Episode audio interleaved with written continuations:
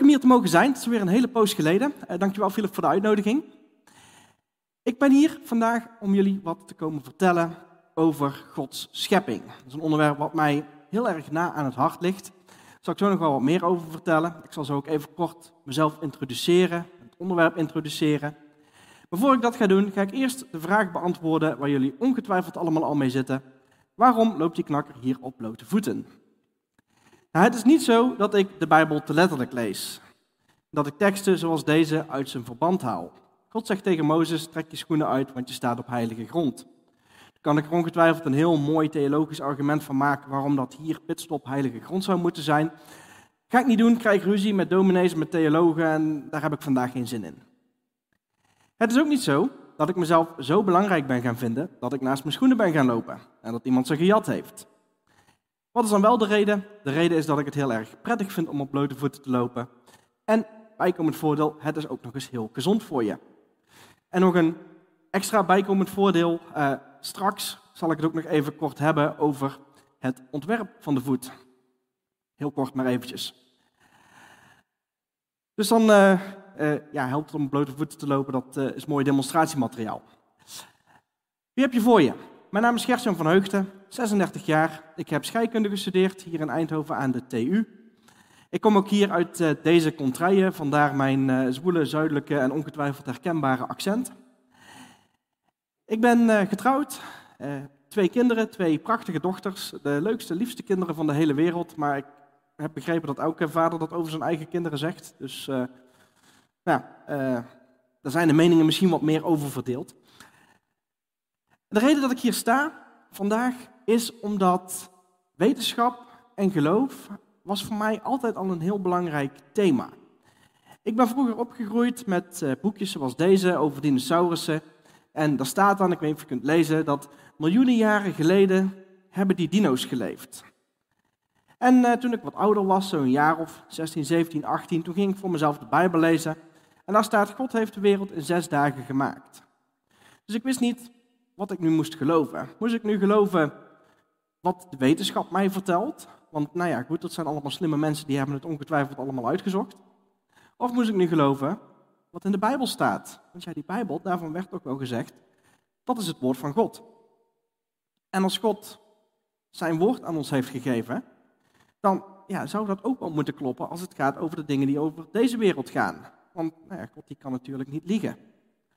En ik ben erachter gekomen dat er juist ook heel veel wetenschappelijke argumenten zijn voor de Bijbel en tegen evolutie en miljoenen jaren. En het is niet zo dat wetenschap en de Bijbel haaks op elkaar staan, maar wetenschap en de Bijbel vullen elkaar heel mooi aan. Nou, dit is niet het einde van mijn verhaal geweest, het is een beetje het begin.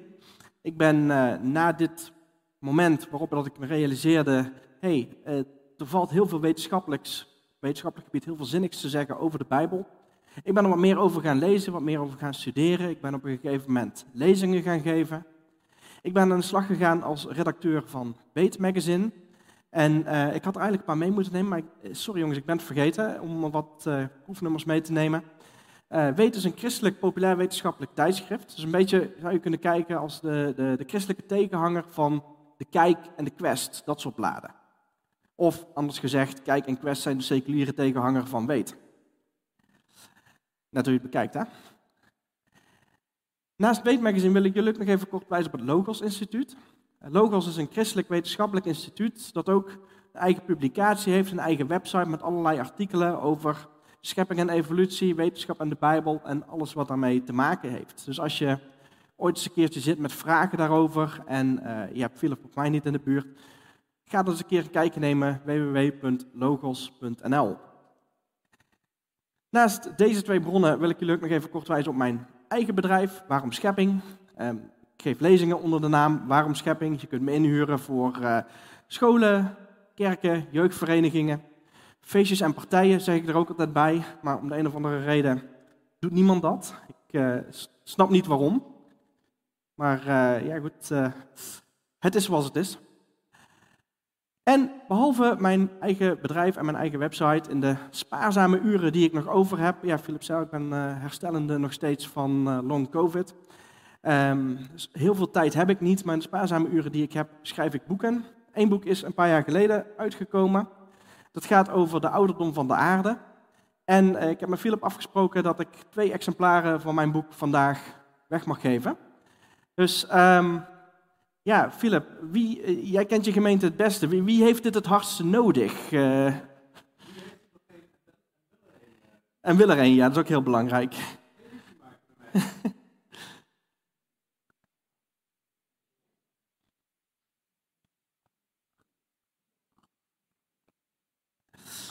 En als je nu net buiten de boot valt, dan kun je misschien uh, de gemeentegenoten aankijken die hem nu hebben gekregen en uh, misschien een keertje lenen. Of anders heb ik ook nog een boekentafel bij achter in de zaal met nou ja, onder andere ook dit boek, maar ook wat andere boeken die gaan over schepping en evolutie en alles wat daarmee te maken heeft. Uh, boeken en ook wat dvd's voor de mensen die niet van lezen houden. Waar gaan we het vandaag over hebben? Ik wil, um, nou, zoals het een, een, een goed predikant, ik zou mezelf geen predikant noemen, maar zoals een goed predikant betaamt, heb ik mijn praatje in drie delen opgedeeld. Het eerste deel gaat over wetenschap. Wat is nu eigenlijk wetenschap en hoe verhoudt zich dat tot de Bijbel? Tweede, het grootste gedeelte, gaan we het hebben over ontwerp in de natuur. Want als God de natuur gemaakt heeft, dan zou je daar ook iets van moeten zien, lijkt mij. En als laatste wil ik even met jullie gaan kijken naar, naar eigenlijk min of meer de tekst die Philip daar straks voorlas. Dus dat sluit heel mooi op elkaar aan. Je bent wonderlijk gemaakt, zoals het in Psalm 139 staat. Hoe kunnen we nu weten dat wij wonderlijk gemaakt zijn? Dat komt ook in dat tweede gedeelte aan bod, maar vooral ook, wat betekent dat nu voor ons? Laten we beginnen bij het begin, bij wetenschap. En wetenschap, als je wetenschap wilt beginnen, dan moet je wat mij betreft, bij de Bijbel beginnen. Goede wetenschap begint bij de Bijbel. Dat is niet iets wat ik zomaar zelf heb verzonnen, dat is iets wat in de Bijbel staat. Het begin van alle kennis is ontzag voor de Heer. En dat woord voor kennis, wat er staat, is ongeveer hetzelfde als het hedendaagse Hebreeuwse woord voor wetenschap. Als je dit vers in de Statenvertaling leest, dan staat er ook: De vrezen des Heeren is het beginsel der wetenschap. Dus goede wetenschap begint bij ontzag hebben voor God. Ontzag hebben voor wat God ons in zijn woord te vertellen heeft. Nou, wat wil God ons in zijn woord vertellen? Bijvoorbeeld dit. In zes dagen heeft de Heer de hemel en de aarde gemaakt en de zee en al wat erin is. En hij rustte op de zevende dag. Even een vraagje. Wie van jullie weet in welk Bijbelboek dit vers staat? Wie heeft er een idee? Ja, hier vooraan. Jij was heel snel. Genesis. Oké, wie, wie denkt Genesis? Mag ik allemaal vingers zien? Wie denkt, het is een ander boek dan Genesis? Oeh, dat is gevaarlijk als een spreker zoiets zegt. Wat denk jij? Ja, jij. Exodus, heel goed. Weet je toevallig ook het hoofdstuk? En het vers? Ja, die weten ze nooit. Maar niet. Nee, Exodus 20, uh, eh, heel goed. Vers 11, precies. Uh, eh, 11a om heel precies te zijn. Uh, want het vers gaat nog verder namelijk. Um, waarom staat deze tekst, Exodus 20, wat is dat voor hoofdstuk? Wat staat er in Exodus 20? De wet, de tien geboden, precies. Zes dagen lang mag je werken en één dag rusten, want in zes dagen enzovoorts. Waarom haal ik dit vers aan uit de tien geboden? Omdat even verderop, in Exodus 31, dan wordt dit vers nog een keer herhaald. In Exodus 31, vers 17. En Exodus 31, vers 18 staat dat God al deze woorden met zijn eigen vinger in de stenen tafel heeft geschreven. Een van de geboden is, je mag geen vals getuigenis afleggen. Ergens anders in de Bijbel lezen we, God kan dat niet eens. God kan niet eens een vals getuigenis afleggen. God kan niet liegen. Dus als God hier heeft opgeschreven, letterlijk op een briefje uit de hemel, om het zo maar even te zeggen, dat hij in zes dagen de wereld heeft gemaakt, moeten wij dat als mensen heel erg serieus nemen. Nou, als je nu uitgaat van dit vers en die zesdaagse schepping, kun je een tijdlijn opstellen van de geschiedenis. Begin bij de schepping. God heeft alles gemaakt, alles was zeer goed. Er was nog geen lijden, dood, bloedvergieten enzovoort. Daarom zitten we hier nog in het eh, witte gebied.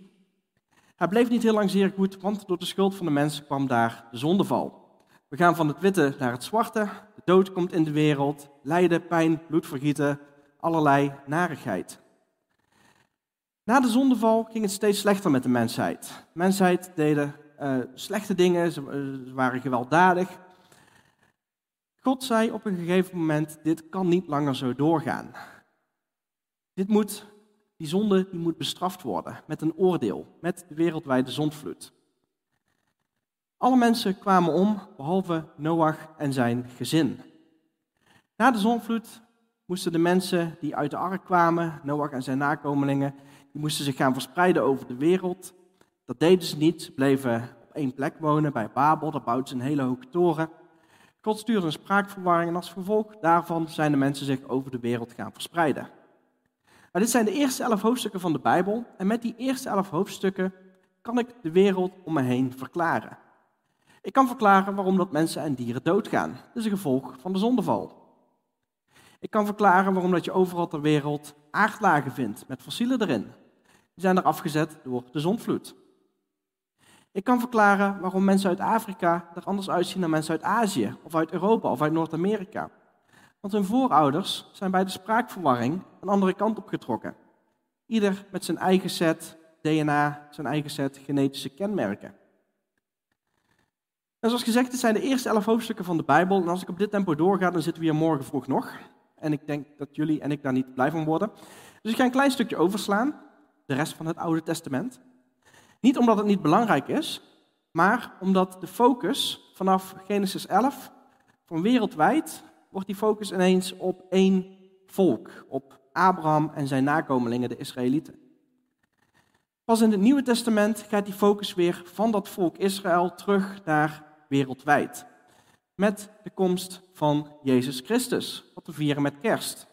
God zelf kwam naar deze wereld. En Jezus kwam naar de wereld met een missie om te sterven aan het kruis, om die gevolgen van de zondeval ongedaan te maken. Nu is die Bijbelse geschiedenis nog niet afgelopen. We zitten er met z'n allen nog middenin. Wij bevinden ons hier tussen kruis en voleinding. Er staan nog gebeurtenissen in de Bijbel die nog moeten worden vol, volbracht, moeten worden vervuld. Uh, denk aan die moeilijke profetische boeken als uh, Daniel, Ezekiel, Openbaring. Uh, los van dat je, ja, er zijn heel veel verschillende uitleggingen van en, en ik durf zelf niet te zeggen wat de juiste is. Maar één ding mogen we weten, Jezus wint. En uiteindelijk komt Jezus terug, wordt de dood verslagen en gaan we weer terug van het zwarte naar het witte gebied.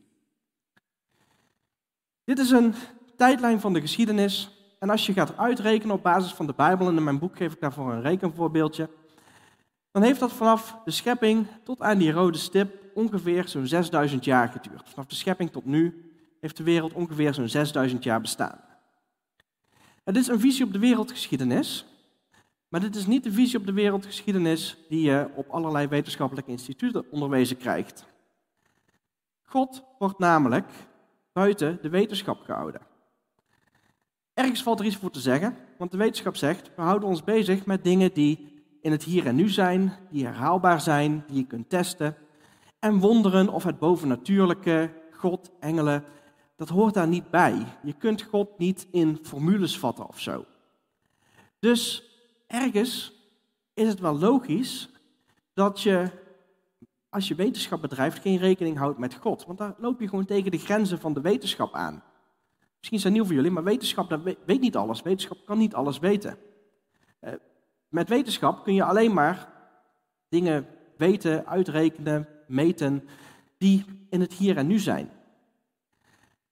Maar men heeft die wetenschappelijke visie van, nou ja, je kunt alleen maar dingen in het hier en nu meten, alleen maar het materiële, heeft men doorgetrokken naar de hele geschiedenis. En dat is in de, in de verlichting is dat begonnen uh, bij deze meneer Charles Lyell. Lyell was een advocaat uit Schotland, die is uh, later de, de, geologie ingegaan, de aardkunde, de uh, aardlagen bestuderen. En Lyell die heeft een hele sterke invloed gehad ook op Charles Darwin, de bedenker van de evolutietheorie. En Charles Lyell schrijft in een van zijn brieven dat hij de wetenschap wilde bevrijden van Mozes. Wat bedoelt hij daarmee? En traditioneel wordt Genesis, Exodus, Leviticus, Numeri, Deuteronomium, de eerste vijf boeken van de Bijbel, wordt toegeschreven aan Mozes. Mozes zou die hebben geschreven. Als hij zegt, ik wil de wetenschap bevrijden van Mozes, betekent hij eigenlijk, ik wil de Bijbel losweken van de wetenschap. Daarvoor was het namelijk zo dat wetenschappers uitgingen van de historiciteit van de Bijbel. Dat wat in de Bijbel stond klopt. En geologen die gingen ook uit van er is een wereldwijde zonvloed geweest. Bij Lyell is dat een beetje losgekoppeld en nou ja, daar plukken we nu de vruchten van. God wordt nu buiten de wetenschap gehouden. En als gevolg daarvan moet je dus een nieuwe tijdlijn opstellen van de geschiedenis. Want dan kun je met die 6000 jaar niet meer af. Dan heb je een tijdlijn nodig die vele miljarden jaren heeft geduurd. Dat begint dan ergens, en dat valt hier nog ver voor het begin van deze tijdlijn, bij de oerknal.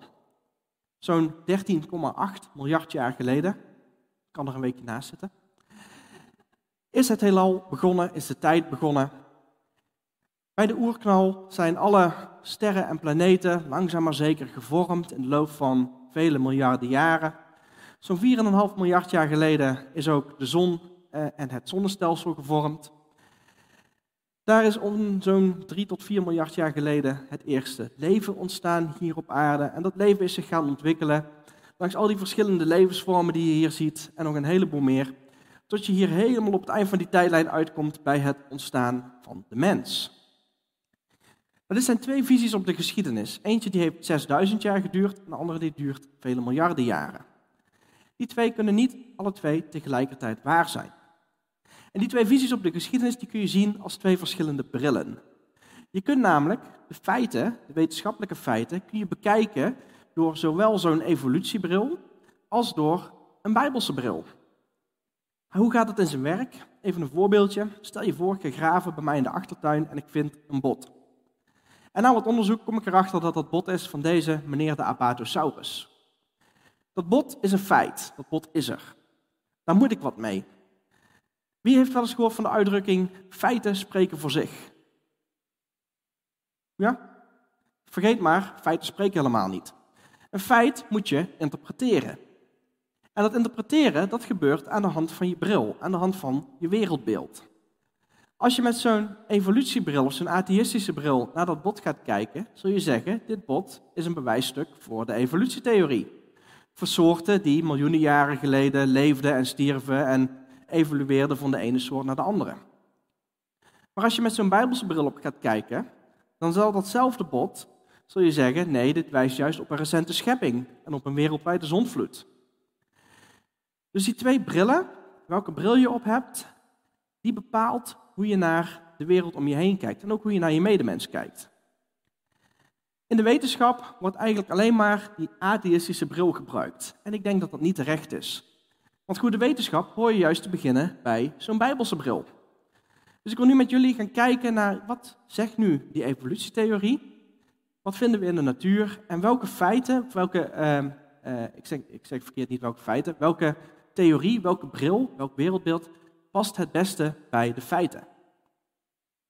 Om te beginnen, wat is nu eigenlijk evolutie? Evolutie in de meest brede zin van het woord is verandering door de tijd. Dat kun je op alles toepassen. Ik evolueer, ik verander door de tijd.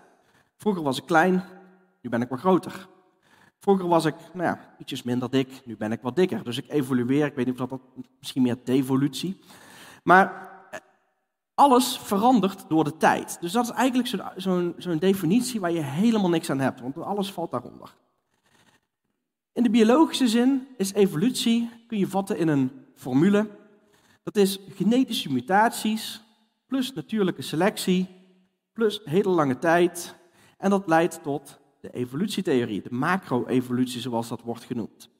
Zelf hou ik niet zo van die termen macro- en micro-evolutie. Uh, daar zal ik zo nog wel even wat meer over vertellen. Dus uh, als je ooit uh, zegt van macro-evolutie, micro-evolutie, van, van mij mag dat nu niet meer. Niemand doen. Nou, wat is dit? Genetische mutaties, dat zijn foutjes, veranderingen die er in je DNA, in je genetische code ontstaan. En natuurlijke selectie, dat is sommige van die foutjes die zorgen voor een goede eigenschap. En de natuur selecteert die goede eigenschappen. En als je dat maar lang genoeg laat doorgaan, dan krijg je dat alles steeds beter en steeds complexer, steeds ingewikkelder wordt. Maar wat zegt nu de praktijk? Die genetische mutaties, die blijken over het algemeen negatief te zijn. Dat is geen toename van informatie, maar dat is juist een afname van informatie. En natuurlijke selectie, dat is er zeker. Natuur selecteert. Maar natuur selecteert binnen bepaalde grenzen. Je kunt je voorstellen, een hert met een groot gewei, dat zal in de bronstijd eh, grotere kans hebben om zijn tegenstanders te verslaan en om het wijfje te winnen. Maar wordt dat gewei te groot, ja, dan komt hij vast te zitten in de takken, dan wordt het, kan hij zijn kop niet meer optillen. Dus dat werkt ook niet. De klein gewei is niet goed en de groot gewei is ook niet goed. Dus natuurlijke selectie, eh, dat gebeurt zeker, maar dat kan niet onbeperkt doorgaan. Daar zitten bepaalde grenzen aan. En die miljoenen jaren, ik denk dat die miljoenen jaren er helemaal nooit zijn geweest. Die miljoenen jaren volgen uit de aardlagen en uit radiodatering. En nou ja, dat is een heel ander praatje, daar kunnen we misschien uh, straks nog over hebben. Of misschien denk je van, uh, ik wil nog een goed boek daarover lezen. Reclame. ik denk dat we die miljoenen jaren, dat we die kwijt kunnen binnen de zondvloed. Ja, dan blijft er van die hele evolutieformule waar weinig over. Hoe zit dat nu met de waarnemingen en de verwachtingen? Evolutie voorspelt dat alles steeds groter, beter, complexer wordt. Een toename van genetische complexiteit. Dus vroeger had je hele simpele soorten, bacteriën, en nu hebben we hele complexe soorten, zoals mensen en dieren en planten. En uh, vroeger, ja, eigenlijk zou je kunnen zeggen, het wordt naar de toekomst toe steeds beter. Maar we hebben nu ondertussen al zo'n nou, 150 jaar aan waarnemingen binnen de biologie en ook al, al, enkele tientallen jaren waarnemingen als het neerkomt op DNA en zo. Wat zien we dan? Dan zien we juist niet dat er een toename is, dan zien we dat er een afname is van complexiteit. Die mutaties die zouden moeten zorgen voor nieuwe eigenschappen, voor nieuwe positieve eigenschappen, die zorgen juist ervoor dat er bestaande eigenschappen kapot gaan. De reden dat ik een bril draag is omdat ik mutaties heb geërfd van mijn ouders, waardoor dat mijn, uh, ja, mijn, mijn ogen niet meer 100% werken. Er zijn heel veel van dat soort mutaties. Sommige die zijn redelijk onschuldig. Uh, denk bijvoorbeeld aan nou ja, het dragen van een bril, daar kun je nog wel mee leven. Denk aan mensen die uh, albinisme hebben, een hele witte uh, huidskleur, uh, maken geen pigment aan of heel weinig pigment. Sommige mutaties die zijn ook dodelijk, op korte termijn of op lange termijn. Denk bijvoorbeeld aan hart- en vaatziekten. En ook kanker is een van die gevolgen van genetische foutjes. In de tijd van Darwin, in de tijd van de bedenker van de evolutietheorie, ging men ervan uit dat cellen heel erg eenvoudig waren. Maar ondertussen weten we dat cellen juist heel erg ingewikkeld zijn van binnen. En Darwin die, kon, ja, die, die, keek door een microscoop en die zag een cel en er was dan een blopje en daar dreven wat friemeltjes in. Dat ziet er niet zo heel ingewikkeld uit. Maar naarmate de, de microscopen beter werden, kwamen we erachter van hé, hey, er zitten veel meer ingewikkelde dingen in een cel. En toen ik hier begon met studeren, had ik een vak organische chemie. En die docent, uh, het was geen christen of zo, die zei van nu, vandaag, weten we 2% van wat er zich binnen in een cel afspeelt. En straks, over 50 jaar, als we 50 jaar onderzoek hebben gedaan, dan weten we ineens nog maar anderhalf procent van wat er zich in een cel afspeelt. En de reden daarvoor, zegt hij, is omdat we erachter komen dat er nog zo ontzettend veel meer is wat we nog niet weten. ik vond het wel indrukwekkend om dat te horen van een uh, niet-christen, van een atheïstische docent. Hoe complex is nu zo'n cel? Nou, met die 2% die we vandaag de dag weten, hebben wetenschappers van de Harvard Universiteit hebben een, een filmpje gemaakt, een simulatie, van een aantal dingen die zich in zo'n cel afspelen. Ik zal je een klein beetje proberen er doorheen te praten, want ik weet daar ook niet alles van. Ik ben geen bioloog, ik ben een chemicus. Maar wat je hier ziet, zijn allerlei processen die zich binnen in een cel afspelen. Er worden continu nieuwe draadjes aangelegd. En die draadjes die worden gebruikt voor het transport van voedingsstoffen, van afvalstoffen we zullen dadelijk zien, er zijn eiwitten, motoreiwitten, die daar langs aflopen. En zoals gezegd, die draadjes die worden continu opnieuw aangelegd, die worden ook afgebroken, die worden weer in de, de eenheden uit, vallen die weer uiteen. En die eenheden die worden dan vervolgens weer hergebruikt voor het aanleggen van nieuwe draadjes. Hier zie je zo'n microtubule, een van die nou ja, snelwegen in de cel zou je kunnen zeggen. En uh, wat er nu dadelijk komt is het uh, eiwit kinesine. En kinesine dat is een, een motoreiwit. Dat ziet eruit als een mannetje wat over die draden heen loopt. Kijk, hier heb je hem. En dat gebeurt met een heel ingenieus systeem. Uh, dit is een eiwit, dus iets wat niet leeft. En daar zit een, een klein motortje zit daar onderin, waardoor dat die voetjes één voor één over de, uh, die snelweg lopen en dan weer loslaat. En die grote bal die hij achter zich aandraagt, dat is een verzameling van afvalstoffen en die worden naar buiten de cel geproduceerd. Nou, dit, dit uh, rare blokje wat je hier ziet is een mitochondrium. Dat is een energiefabriekje van de cel. Die zorgt ervoor dat uh, alle processen in de cel kunnen lopen. Um, al die verschillende dingen die daar in de cel zitten, en ik zal zo nog wel wat meer daarover laten zien van, nou ja, wat zit er dan op, op een klein beetje groter niveau in de cel.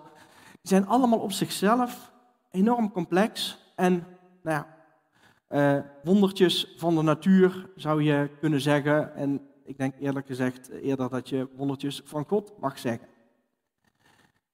Daarom durf ik te zeggen, een simpele cel bestaat niet. Zelfs de meest eenvoudige cel is al ontzettend complex.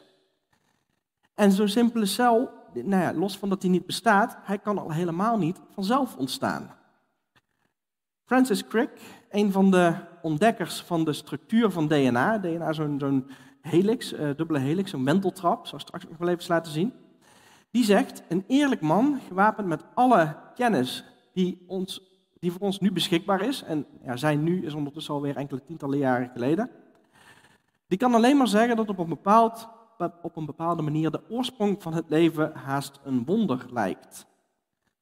En als een wetenschapper het woord wonder in de mond neemt, dat is niet echt een wetenschappelijke term. Hè? Weet je nog, God wordt buiten de wetenschap gehouden. Wetenschap kan niks met wonderen. Nou, we hebben net gezien, zo'n cel, hoe dat er van binnen uitziet. Of tenminste, een simulatie van hoe men nu denkt dat dat er van binnen uitziet. Alle leven, alles bestaat uit cellen. Als je een uh, mens opensnijdt, uh, moet je niet doen, vinden mensen meestal niet zo prettig. Dan zitten daar binnenin zitten allerlei organen, uh, hart, nieren, longen, lever. En die organen die zijn opgebouwd uit cellen. En zo'n menselijke cel en ook een dierlijke cel, die bestaat weer uit een aantal onderdelen. Aan de buitenkant zit de celwand. En zo'n celwand kun je vergelijken met een soort van stadsmuur, een verdedigingslinie. Die houdt stoffen buiten de cel, ziektekiemen buiten de cel, die in die cel niks te zoeken hebben.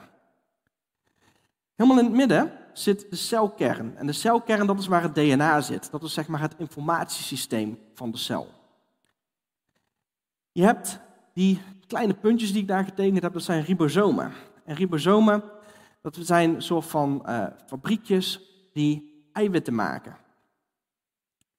Het Golgi-apparaat, dat is een verpaksysteem voor uh, afvalstoffen onder andere. De mitochondriën heb ik er straks al even genoemd, de energiecentrale van de cel. Het endoplasmatisch reticulum. Als je ook nog eens een keer iemand ergens voor wilt uitschelden, dan zou dat een mooi uh, woord zijn. Uh, op zich, het endoplasmatisch reticulum is een, een transportsysteem. Zorgt ervoor voor het transport van, van afvalstoffen onder andere. Lysosomen die recyclen dingen binnen in de cel. Kortom, zo'n cel, zelfs zo'n nou ja, door mij eenvoudig getekende cel, is als je die onder een microscoop bekijkt enorm complex. En van zo'n cel, van zo'n levende cel, zegt men die is vanzelf ontstaan, zonder tussenkomst van een ontwerper. Maar is dat wel logisch? Als ik nu even met jullie ga kijken naar een nou ja, toch wel behoorlijk ingewikkeld systeem. Zo'n vliegdekschip.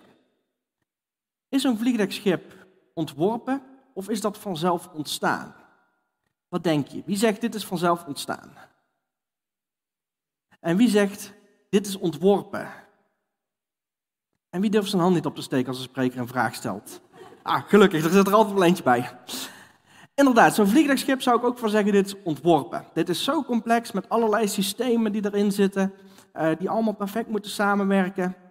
Dit is ontworpen. Gaan we even iets simpelers bekijken. Eén onderdeeltje van zo'n vliegdekschip. Zo'n vliegtuig. Is zo'n vliegtuig ontworpen of vanzelf ontstaan? Ik denk dat het antwoord vanzelf spreekt, hè? Jullie mogen het zeggen. Ontworpen, perfect. Zo'n vliegtuig bestaat ook weer uit allerlei systemen. En een van die systemen is een boordcomputer. Zo'n computer, is die ontworpen of vanzelf ontstaan? Ontworpen. Gaan we even iets eenvoudiger kijken. Een computer is eigenlijk niks meer dan een beetje een omhooggevallen rekenmachine. Is zo'n rekenmachine, zo'n zakjapanner, vanzelf ontstaan of ontworpen? Ontworpen. Gaan we nog eenvoudiger kijken. Een abacus. Wat? Een abacus, een telraam. Dat zijn van die bolletjes die kun je schuiven en dan kun je bijhouden hoe ver dat je aan het tellen bent. Dus als je zeg maar uh, vijf bolletjes uh, hier opzij schuift en je, en je, telt er zeven bij, dan moet je er daar op de volgende regel ook weer eentje verschuiven. Uh, voor jouw tijd, laat maar zitten. nou, ja, precies. zelfs zo'n eenvoudig telraam, daarvan kunnen we zeggen, dit is ontworpen door iemand. Dit heeft iemand bedacht. En als je nu eens gaat kijken naar die cel, met al die complexe dingen die er binnenin gebeuren, al die motoreiwitten en zo die daar lopen, en dan heb ik nog maar een hele kleine fractie laten zien van wat er zich in zo'n cel afspeelt. En vergelijk dat dan met zo'n vliegdekschip. Nou, zo'n cel is nog eens vele malen complexer dan een vliegdekschip. Waarom durf ik dat te zeggen? Omdat een cel, die kan zichzelf verdubbelen. En nou, ik weet uh, best wel wat landen die het heel erg fijn zouden vinden als ze dat hadden. Maar zo'n vliegdekschip, die gaat zichzelf niet verdubbelen. Dan heb je weer een, nieuwe investering nodig van uh, enkele miljarden. Dus als zo'n cel met al die verschillende eigenschappen, die zoveel complexer is dan een vliegdekschip, als zo'n vliegdekschip al is ontworpen, wat zegt het dan wel niet over zo'n cel? Nog een dingetje om te weten. Die cel die bestaat uit allerlei systemen die allemaal samen moeten werken. En die ook allemaal tegelijkertijd aanwezig moeten zijn. Zo'n cel is, zoals ze dat dan in de biologie noemen, onherleidbaar complex. Even een voorbeeldje met iets wat een stukje eenvoudiger is dan zo'n cel, een muizenval. Een muizenval is ook onherleidbaar complex. Wat betekent dat? Dat betekent dat je hem niet kunt versimpelen, je kunt niet onderdelen weghalen, zodat hij nog steeds werkt. Haal je die veer weg, dan maak je een heleboel muizen blij, want dan kunnen ze zomaar het kaasje pakken zonder dat er iets gebeurt. Haal je de klem weg, ja, dan kan die veer wel iets doen, maar de, de val slaat niet dicht. Haal je het plankje weg, dan nou, vallen alle onderdelen uit elkaar. Dus zo'n muizenval is onherleidbaar complex. En Cellen zijn dat ook, biologische systemen zijn dat. Al die verschillende onderdelen die er in zo'n cel zitten, die moeten tegelijkertijd aanwezig zijn om te kunnen werken, om tot een functionerend geheel te komen. En dat is belangrijk, want als het niet een functionerend geheel is, ja, dan kan natuurlijke selectie er niks mee. En dan wordt het eruit geselecteerd, dan kan het niet gaan evolueren. Dus al die verschillende onderdelen moeten tegelijkertijd aanwezig zijn. En de bedenker van de evolutietheorie, Charles Darwin, die had daar al over gezegd, als nu kan worden aangetoond dat er een complex orgaan bestaat, dat met geen enkele mogelijkheid gevormd kan worden uit talloze kleine opeenvolgende stapjes, dan zal mijn theorie helemaal uit elkaar vallen. Nou, ondertussen zijn we 150 jaar verder, ruim nadat Darwin zijn theorie heeft gepubliceerd. Kennen we heel veel van dit soort systemen, complexe organen die niet door kleine stapjes gevormd kunnen worden. En toch is de theorie niet uit elkaar gevallen. Waarom niet? Omdat er geen alternatief is. Het alternatief is accepteren dat er een God is. En dat zijn heel veel mensen die dat niet willen. Ik heb net één voorbeeldje genoemd, zo'n cel, als iets wat onherleidbaar complex is, irreduceerbaar complex. Er zijn nog veel meer. Een prachtig voorbeeldje daarvoor is de bombardeerkever. Bombardeerkever is een klein kevertje met in zijn achterlijf orgaantjes, waarmee dat hij uh, chemische stoffen aanmaakt. Waterstofperoxide en hydroquinon. Die worden in aparte klieren aangemaakt. En die worden bij elkaar gebracht in een verbrandingskamer met een inhibitor. En als die stofjes bij elkaar komen in die verbrandingskamer, dan komen ze net buiten zijn lichaam, net buiten zijn achterlijf, komen ze tot ontploffing. En dat ziet eruit als een, nou ja, ik, ik heb er vanwege de rechten geen filmpje van kunnen vinden, maar als je, je kunt hem op internet opzoeken, bombardeerkever, bombardeer beetle. Uh, er zijn heel wat filmpjes van die dat in slow motion laten zien. En zo'n bombardeerkever, dat is een onherleidbaar complex systeem. Want je kunt je voorstellen, zoiets kan niet geëvolueerd zijn. Als een van die twee stofjes ontbreekt, dan kan dat niet tot ontbranding komen. Als de verbrandingskamer ontbreekt, dan kunnen die twee stofjes wel bij elkaar komen, maar dan ontploft het kevertje. Hetzelfde als de inhibitor ontbreekt. En als niet al die stofjes, uh, al die, uh, sorry, niet stofjes, als niet al die verschillende eigenschappen tegelijkertijd aanwezig zijn, als je zo'n onafgemaakt systeem hebt, dan heb je natuurlijke selectie die, volgens de evolutietheorie, deze niet nuttige eigenschappen uit de keverpopulatie filtert. Dus selectie werkt alleen maar op systemen die, uh, ja, die werken, die het goed doen. Dus alles moet tegelijkertijd aanwezig zijn. Nog een voorbeeldje is de zweepstaart van een bacterie.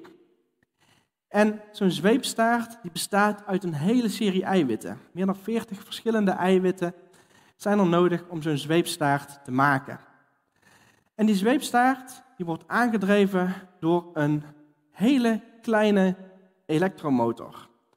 Een elektromotor die veel efficiënter is dan nou ja, wat ze bij uh, alle verschillende fabrieken van, van, elektrische auto's, Tesla, noem het maar op, uh, allemaal kunnen bedenken. Zo'n elektromotor, het is een echte elektromotor. Een motor die bestaat uit iets wat ronddraait, de rotor, en iets wat stilstaat, de stator. En die worden van binnenuit opgebouwd uit allerlei eiwitten. Hier zie je de, de celwand en die eiwitten die breken daar doorheen. Die verschillende soorten eiwitten, uh, men denkt dat wordt op deze manier aangelegd. Er worden eiwitten gebruikt die daar als een soort van hoedje overheen zitten en die ervoor zorgen dat die andere eiwitten die daar de zweepstaart en de haak gaan vormen, dat die op de juiste plek komen te zitten. Uh, dit hieronder zijn trouwens die uh, verschillende motors. Een uh, protonenmotor is dat. Proton, een positief geladen deeltje. Dat komt daar in die motor. En zelfs daarvan weten we niet precies hoe het werkt. Maar op de een of andere manier, protonen gaan van de ene kant naar de andere kant. En dat zorgt ervoor dat er een, een slag in die motor komt, dat die een klein stukje draait. En hier zie je dan hoe dat die verschillende eiwitten samenwerken. hoe dat van binnenuit die zweepstaart wordt opgebouwd. Een heleboel bacteriën hebben zo'n zweepstaart, sommige hebben er eentje, sommige hebben er meer. En die gebruiken ze om, uh, om mee te zwemmen. Het zijn een soort van, uh, uh, ik kan het kunnen vergelijken met de schroef van een schip, de propeller van een vliegtuig. Op zo'n manier gaat dat een beetje in zijn werk.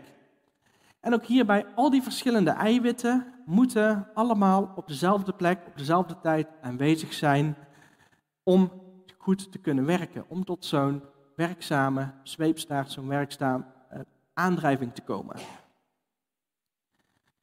Dus de biologie die we hebben, daar zitten heel veel van dat soort irreduceerbaar complexe, onherleidbaar complexe eigenschappen zitten daarin.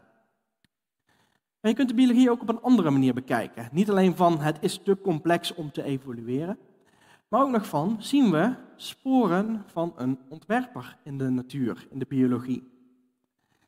En het mooiste voorbeeld daarvan is dat we de biologie uh, eigenschappen uit de biologie kunnen gebruiken voor onze eigen menselijke techniek en innovaties.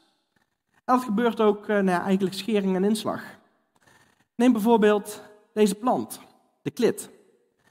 En ik weet niet of je kunt zien op de foto, maar dit zijn de, de, de stekels, de zaden van die plant. En die stekels die hebben aan het eind een klein weerhaakje. En nu is er een Zwitser geweest en die heeft gezien hoe dat, dat werkt met die stekels, met die weerhaakjes. En daar heeft hij op bedacht van, hé, hey, dit kan ik toepassen in kleding. Dit is klittenband. Niet voor niks op die manier eh, genoemd naar de klit. En die klittenband het werkt als dezelfde. Het zijn ijzeren haakjes die in een stof grijpen. En die klit, nou de, plant dan, een dier loopt daar langs. Die zaden blijven in, in de vacht van zo'n dier hangen. En op een gegeven moment dan vallen ze af en dan uh, kan daar op die plek een nieuwe plant gaan groeien. Dat is een manier voor die plant om zich te verspreiden. Andere planten die gebruiken bijvoorbeeld de wind om zich te verspreiden. Deze die gebruikt dieren om zich te verspreiden. Maar goed, we hebben voorbeelden van waarbij dat we dingen vanuit de natuur op ons eigen menselijke leven kunnen toepassen. En nou, de klit is er één van, maar er wordt ook gekeken naar uh, libelles en kolibries voor het maken van drones. Er wordt gekeken naar hoe bepaalde dieren lopen om daar uh, robots van te maken. Allerlei dingen kun je bedenken waarbij men naar de natuur kijkt. lichtgevende materialen gebaseerd op wat er in een vuurvliegje gebeurt. Heel veel dingen vanuit de natuur die we kunnen toepassen in de techniek. Maar het werkt ook andersom. Want er zijn ook dingen die wij mensen hebben bedacht, die we vervolgens ontdekken in de natuur. Zoals tandwielen. Dit is een uh, röntgenfoto van het achterlijfje van een klein springend insectje, een cicade. En die cicade die heeft in zijn achterlijf, dit zijn de, de, de aanhakingspunten van de, van de achterpoten, waarmee ze zich afzet, de springpoten. Uh, dus denk een beetje aan een, uh, zoals een springhaan werkt, maar dan een ander soort insectje. En die aanhechtingspunten, die uh, hebben hier van die, van die tandjes die heel mooi in elkaar grijpen. En de reden daarvoor is dat op die manier allebei die poten exact tegelijk afzetten, waardoor dat insectje altijd recht naar voren toe springt. Zonder die tandwielen zou het best wel eens kunnen zijn dat als hij zich afzet en de ene poot is net ietsjes anders dan de andere, dat hij dan nou, een hele afwijking naar links of naar rechts maakt. Tandwielen is iets wat je tegenkomt in menselijk ontwerp. Tandwielen bestaan al duizenden jaren. En nu een aantal jaar geleden, 2013, zijn ze ook in de natuur ontdekt. Tandwielen zijn ontworpen. Tandwielen zijn door mensen ontworpen. Waarom zouden deze tandwielen dan niet ook wijzen op, op een ontwerper? En dat argument van een ontwerper, dat gaat al heel ver terug. was in het begin van de 19e eeuw, was er een Anglikaans priester, een natuurfilosoof. Dat is uh, William Paley. En William Paley die zei, stel je voor, ik ga lopen op het strand en ik vind een zakhorloge. Dan weet ik, op basis van de complexiteit van dat horloge, dat er een horlogemaker moet zijn geweest. Dat is een beetje hetzelfde als met dat vliegdekschip. Je ziet iets wat complex is, dat moet een ontwerper hebben. En zegt Peli, op dezelfde manier weet ik dat de natuur, die er ook complex uitziet, die er ook uitziet alsof het een ontwerper heeft, een ontwerper moet hebben. Dit is een sterk argument voor ontwerp. Maar heel veel atheïsten die, vinden dat niet leuk, dat als iets eruit ziet alsof het ontworpen is, dat het dan ontwerpen moet hebben. Dus denkt men, laten we nu eens kijken van kunnen we dat ontwerpargument niet wat afzwakken? En één iemand die dat gedaan heeft is eh, Richard Dawkins, een hele bekende atheïstische bioloog. En Dawkins die zegt van nou, als er inderdaad een horlogemaker actief is geweest hier in de natuur, in de biologie, om de dingen te maken, dan is het toch wel een behoorlijk slechte horlogemaker geweest. Een blinde horlogemaker. Want, zegt Dawkins, heel veel eigenschappen in de natuur zien er slecht ontworpen uit. En noemt hij een aantal voorbeeldjes. Eentje daarvan is het oog. U heeft wel eens gehoord van de term blinde vlek? Wie van jullie heeft er een blinde vlek? Wie weet ook wat zijn blinde vlek is? Want nou ja, goed, je kunt het natuurlijk op meerdere manieren zien. Maar eigenlijk een echte een blinde vlek in de overdrachtelijke zin, dan uh, weet je niet wat je niet weet. Dus het um, kan zijn dat andere mensen dingen bij jou zien waar dat jij geen weet van hebt. Dat is dan een blinde vlek. Maar de blinde vlek is ook een echt ding in je oog. Dat is namelijk dit hier. Wat gebeurt daar? Je hebt je netvlies. En je netvlies, daar zijn allerlei zenuwen die uh, op die lichtgevoelige cellen die daarop aangesloten zitten. En al die zenuwen, die bundelen zich en die gaan hier zo bam dwars door je netvlies heen naar de oogzenuw. Dat zorgt ervoor dat je een blinde vlek hebt. En je kunt dat uit uh, uitzoeken waar dat is. Dan moet je eens een keertje, als je thuis bent, op een eh, velletje papier een stip zetten. Twee stippen. En dan kruislinks kijken met het ene oog naar, het, naar de andere stip. En dan zie je op een gegeven moment zie je, een, uh, zie je die stip wegvallen. Uh, moet je maar eens even opzoeken, leuk experimentje, blinde vlek, hoe dat, dat precies werkt. Maar dan op een gegeven moment verdwijnt die stip omdat die in je blinde vlek zit. En Dawkins zegt, dit is een heel slecht ontwerp, want daardoor functioneert het oog niet optimaal.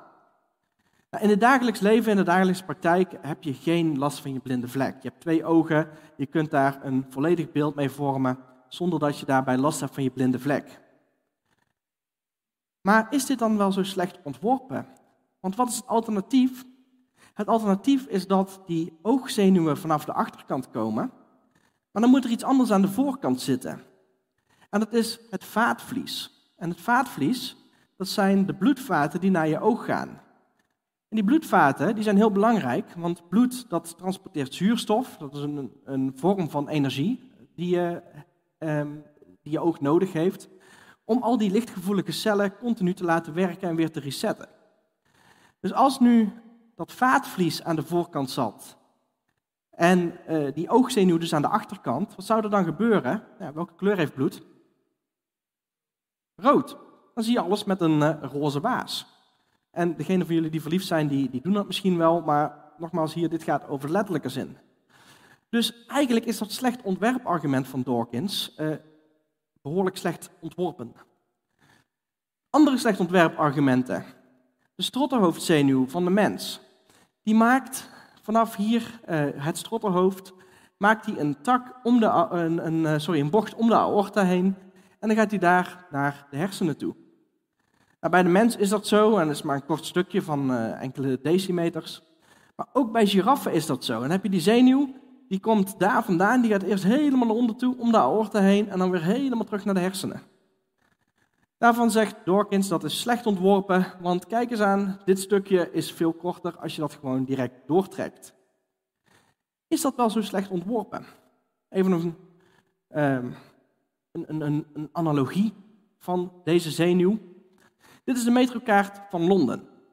En je ziet hier die uh, rode lijn, dat is de Central Line, die zie je hier lopen en die maakt dan een bocht en dan komt daar weer naar boven toe.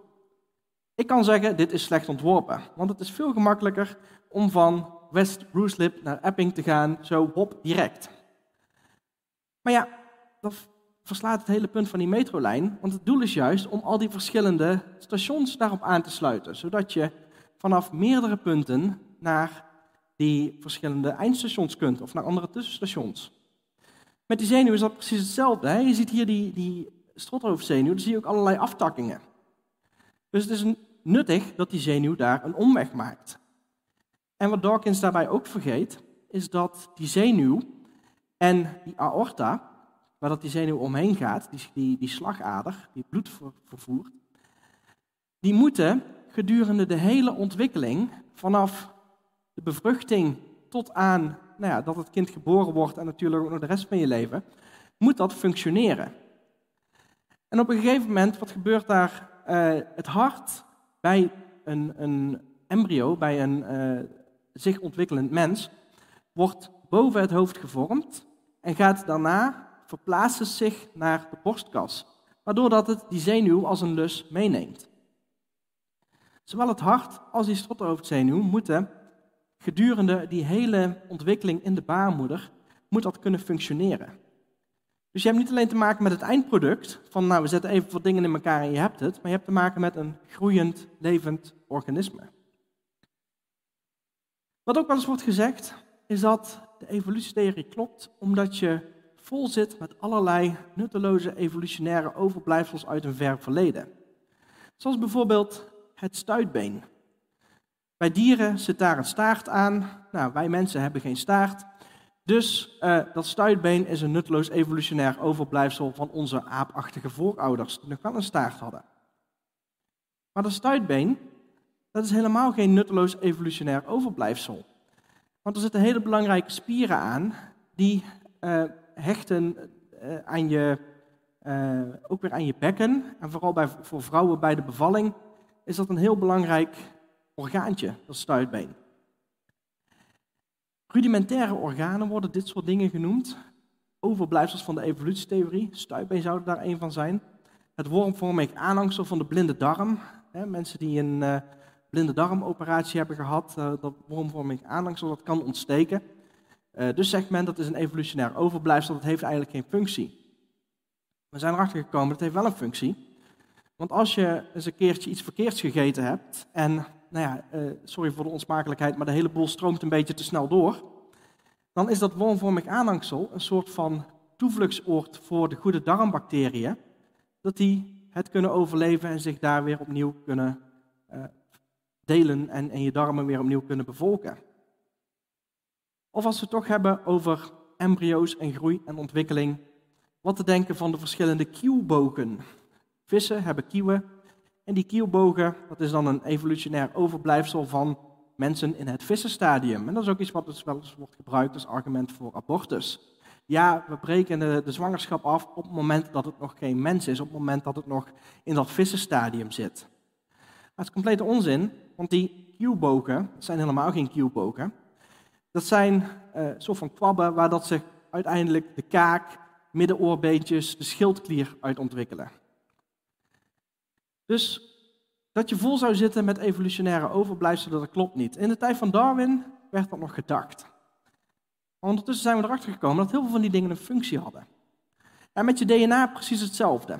DNA is de informatiedrager van de cel. Dat uh, zou je kunnen zien als een hele streng letters, die dan samen woorden vormen. Sowieso is DNA op zich al een heel mooi argument voor een ontwerper. Want informatie ontstaat niet vanzelf.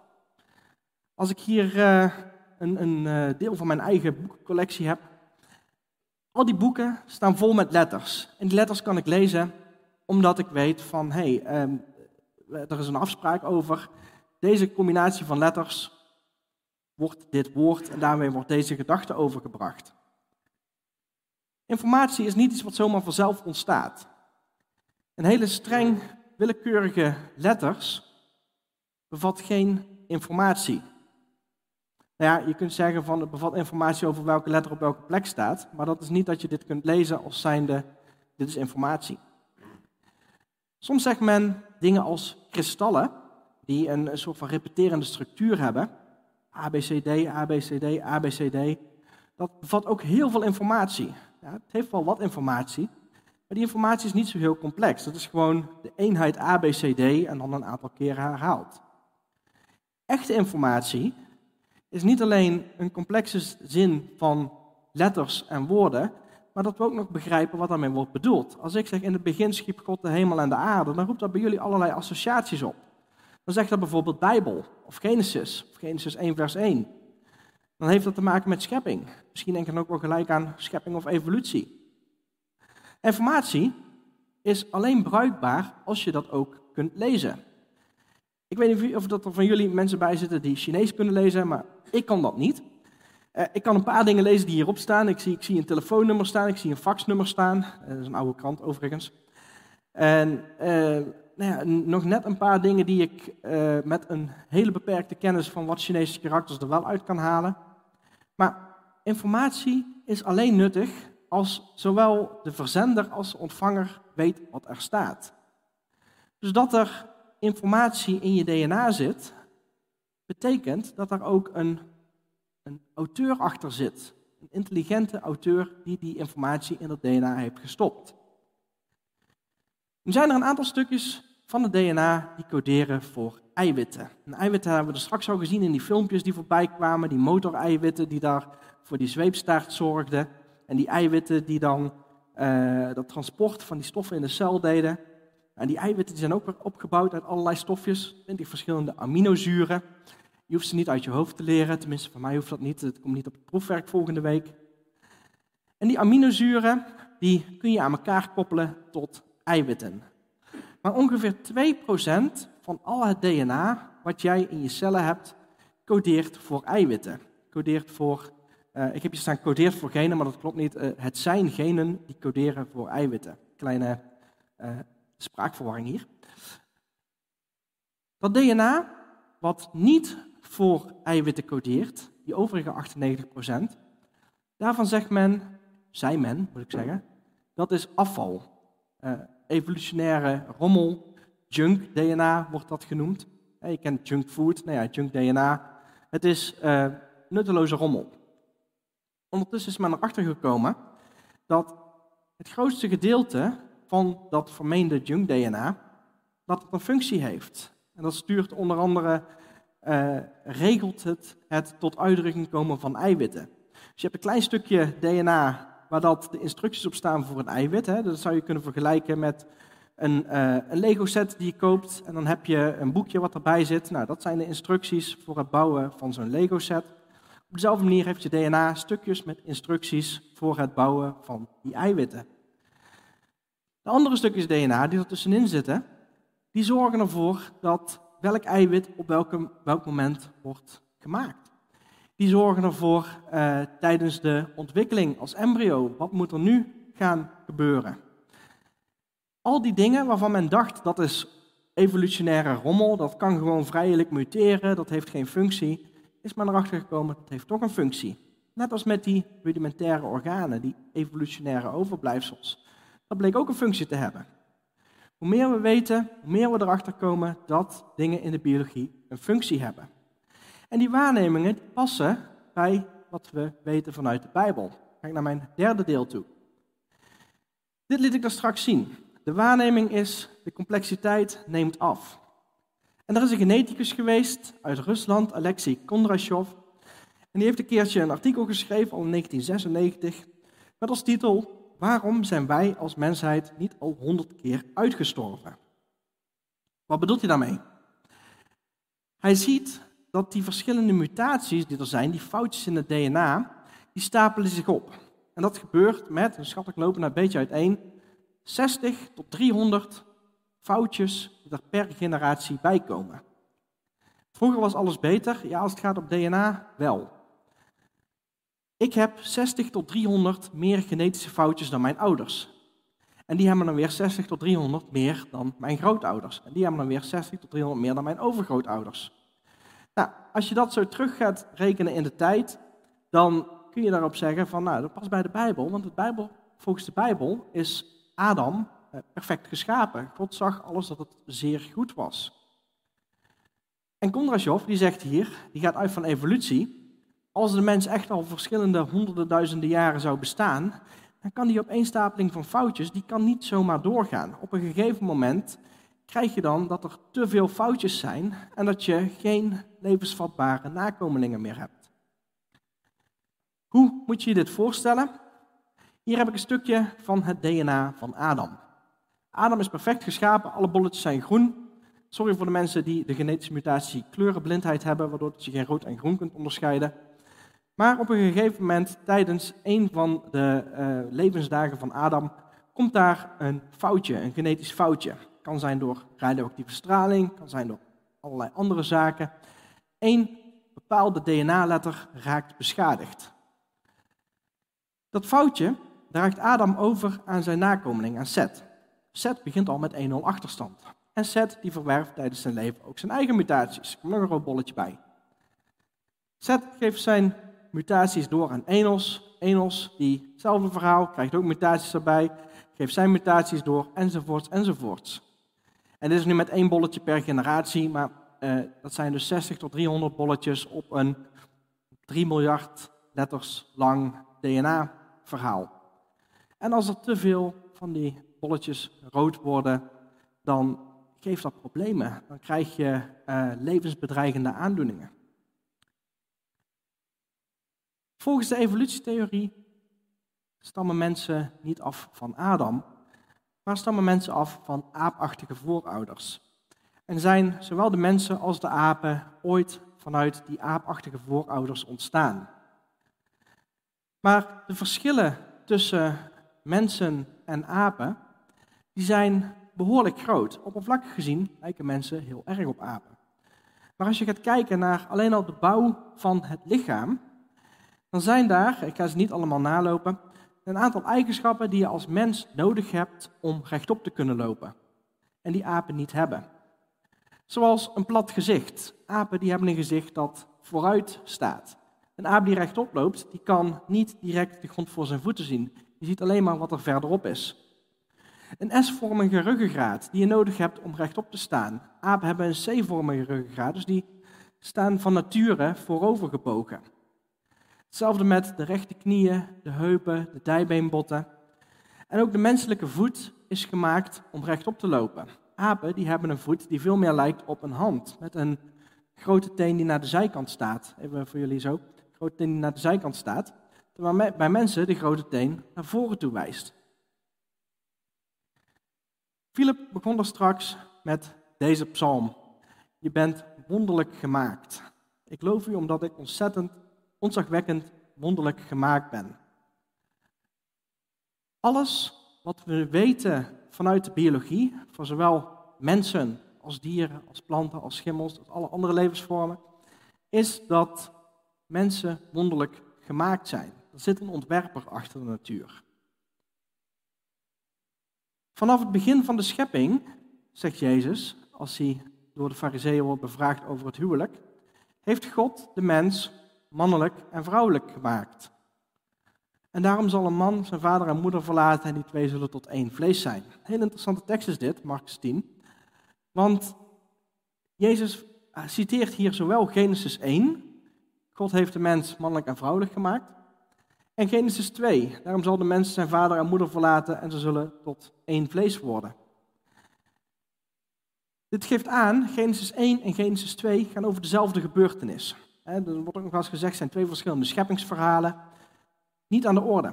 Genesis 2 is een uitwerking van dag 6 van Genesis 1. Jezus zegt hier, God heeft de mens gemaakt. Wij als christenen, als volgelingen van Jezus, zouden zijn woorden dan ook heel serieus moeten nemen. Vanaf het begin van de schepping, dus niet na miljoenen jaren, maar al vanaf het begin van de wereldgeschiedenis, de mens mannelijk en vrouwelijk zijn gemaakt. Ook nog een interessante, mannelijk en vrouwelijk. Er zit niks tussenin. Dus al dat non-binaire geneuzel van vandaag de dag, uh, heel onbijbels. Waarbij ik overigens niet, en dat is nog een, een zijstapje, uh, niet wil zeggen dat mensen die gevoelens niet hebben. Uh, kun je ook nog snel overheen walsen, maar dan wordt weer een heel ander verhaal. Bijbels gezien, biologisch gezien, mensen zijn of man of vrouw. Er zit niks tussenin. Die gevoelens die mensen soms hebben, die moeten we daarbij wel respecteren en er ook wel op een goede manier mee omgaan. Los daarvan, ik begon er straks met twee verschillende brillen. En die twee brillen die kun je gebruiken om naar de wereld om je heen te kijken, naar de feiten. Maar die kun je ook gebruiken om naar levensvragen te kijken. Hoe sta je in het leven? Vier levensvragen. En misschien heb je er wel eens over, over nagedacht, misschien nog helemaal niet. En ga je dat nu doen omdat ik het je nu opdraag. Maar wel dingen om eens een keertje over na te denken. Wie ben ik? Waar kom ik vandaan? Waarom ben ik hier? En wat gebeurt er als ik sterf? Die levensvragen kun je beantwoorden vanuit zo'n evolutiebril, vanuit zo'n atheïstische bril. Er is geen God. Wie ben ik? Ik ben een product van toevallige mutaties, van een opeenstapeling van genetische foutjes. Waar kom ik vandaan? Ik kom van een lagere diersoort. Ik ben een uit de boom gevallen aap. Waarom ben ik hier? Om me voor te planten, om mijn genetisch materiaal door te geven aan de volgende generatie. Om hier een goed leven te hebben. Waar ga ik naartoe als ik sterf? Niks, er is niks na de dood. En je lichaam wordt hooguit gerecycled. Dit is een wereldbeeld dat logischerwijs volgt vanuit zo'n evolutiebril. Let op, lang niet alle mensen die evolutionist zijn, beantwoorden deze levensvragen op deze manier. Maar dit is het logische wereldbeeld wat volgt vanuit dat evolutiedenken. En dus, nou ja, ik weet niet of jullie dat met me eens zijn, maar niet echt een heel erg positieve blik op het leven. Je kunt die levensvragen ook beantwoorden vanuit een christelijke bril, vanuit een bijbelse bril. Wie ben ik? Ik ben een kind van God. Johannes 1, vers 12. Waarom ben ik hier? Uh, sorry, waar kom ik vandaan? God heeft mij gemaakt. We hebben het straks gelezen, Psalm 139. God heeft mij wonderlijk gemaakt. Waarom ben ik hier? Ik mag voor God leven. Ik mag een klein deel uitmaken, een klein radertje in dat grote plan van die wereldgeschiedenis. Daar mag ik een rol in spelen. Waar ga ik naartoe als ik sterf? Dan ga ik naar de hemel, dan ga ik naar huis. Dan mag ik bij God zijn. We hebben er straks over gezongen. De Bijbel is van kaft tot kaft te vertrouwen. Als wij als christenen zeggen, God heeft de wereld gemaakt, dan mag God ons ook vertellen hoe hij de wereld heeft gemaakt. In zijn gesprek met Nicodemus zegt Jezus, als je me al niet gelooft als ik het heb over de aardse wereld, waarom zou je me dan wel geloven als ik het heb over de hemelse wereld? En ik denk dat we dit op de hele Bijbel mogen betrekken. Als we de Bijbel al niet kunnen geloven over de aardse werkelijkheid, over dingen hier op aarde, eh, hoe dat het menselijk lichaam in elkaar zit, hoe dat ehm, de wereldgeschiedenis in elkaar zit. Is er ooit een wereldwijde zonvloed geweest? Hoe zit het met de dino's? Hoe zit het met Adam en Eva? Uh, heeft Jezus echt bestaan? Als we op al die dingen die met deze wereld te maken hebben, de Bijbel niet kunnen vertrouwen, waarom zouden we de Bijbel dan wel vertrouwen als het gaat over de hemelse zaken, de dingen die we niet kunnen controleren? Dingen als hemel en hel, eeuwig leven en verlossing. We mogen de Bijbel vertrouwen als het gaat over deze wereld en dus ook als het gaat over de volgende wereld.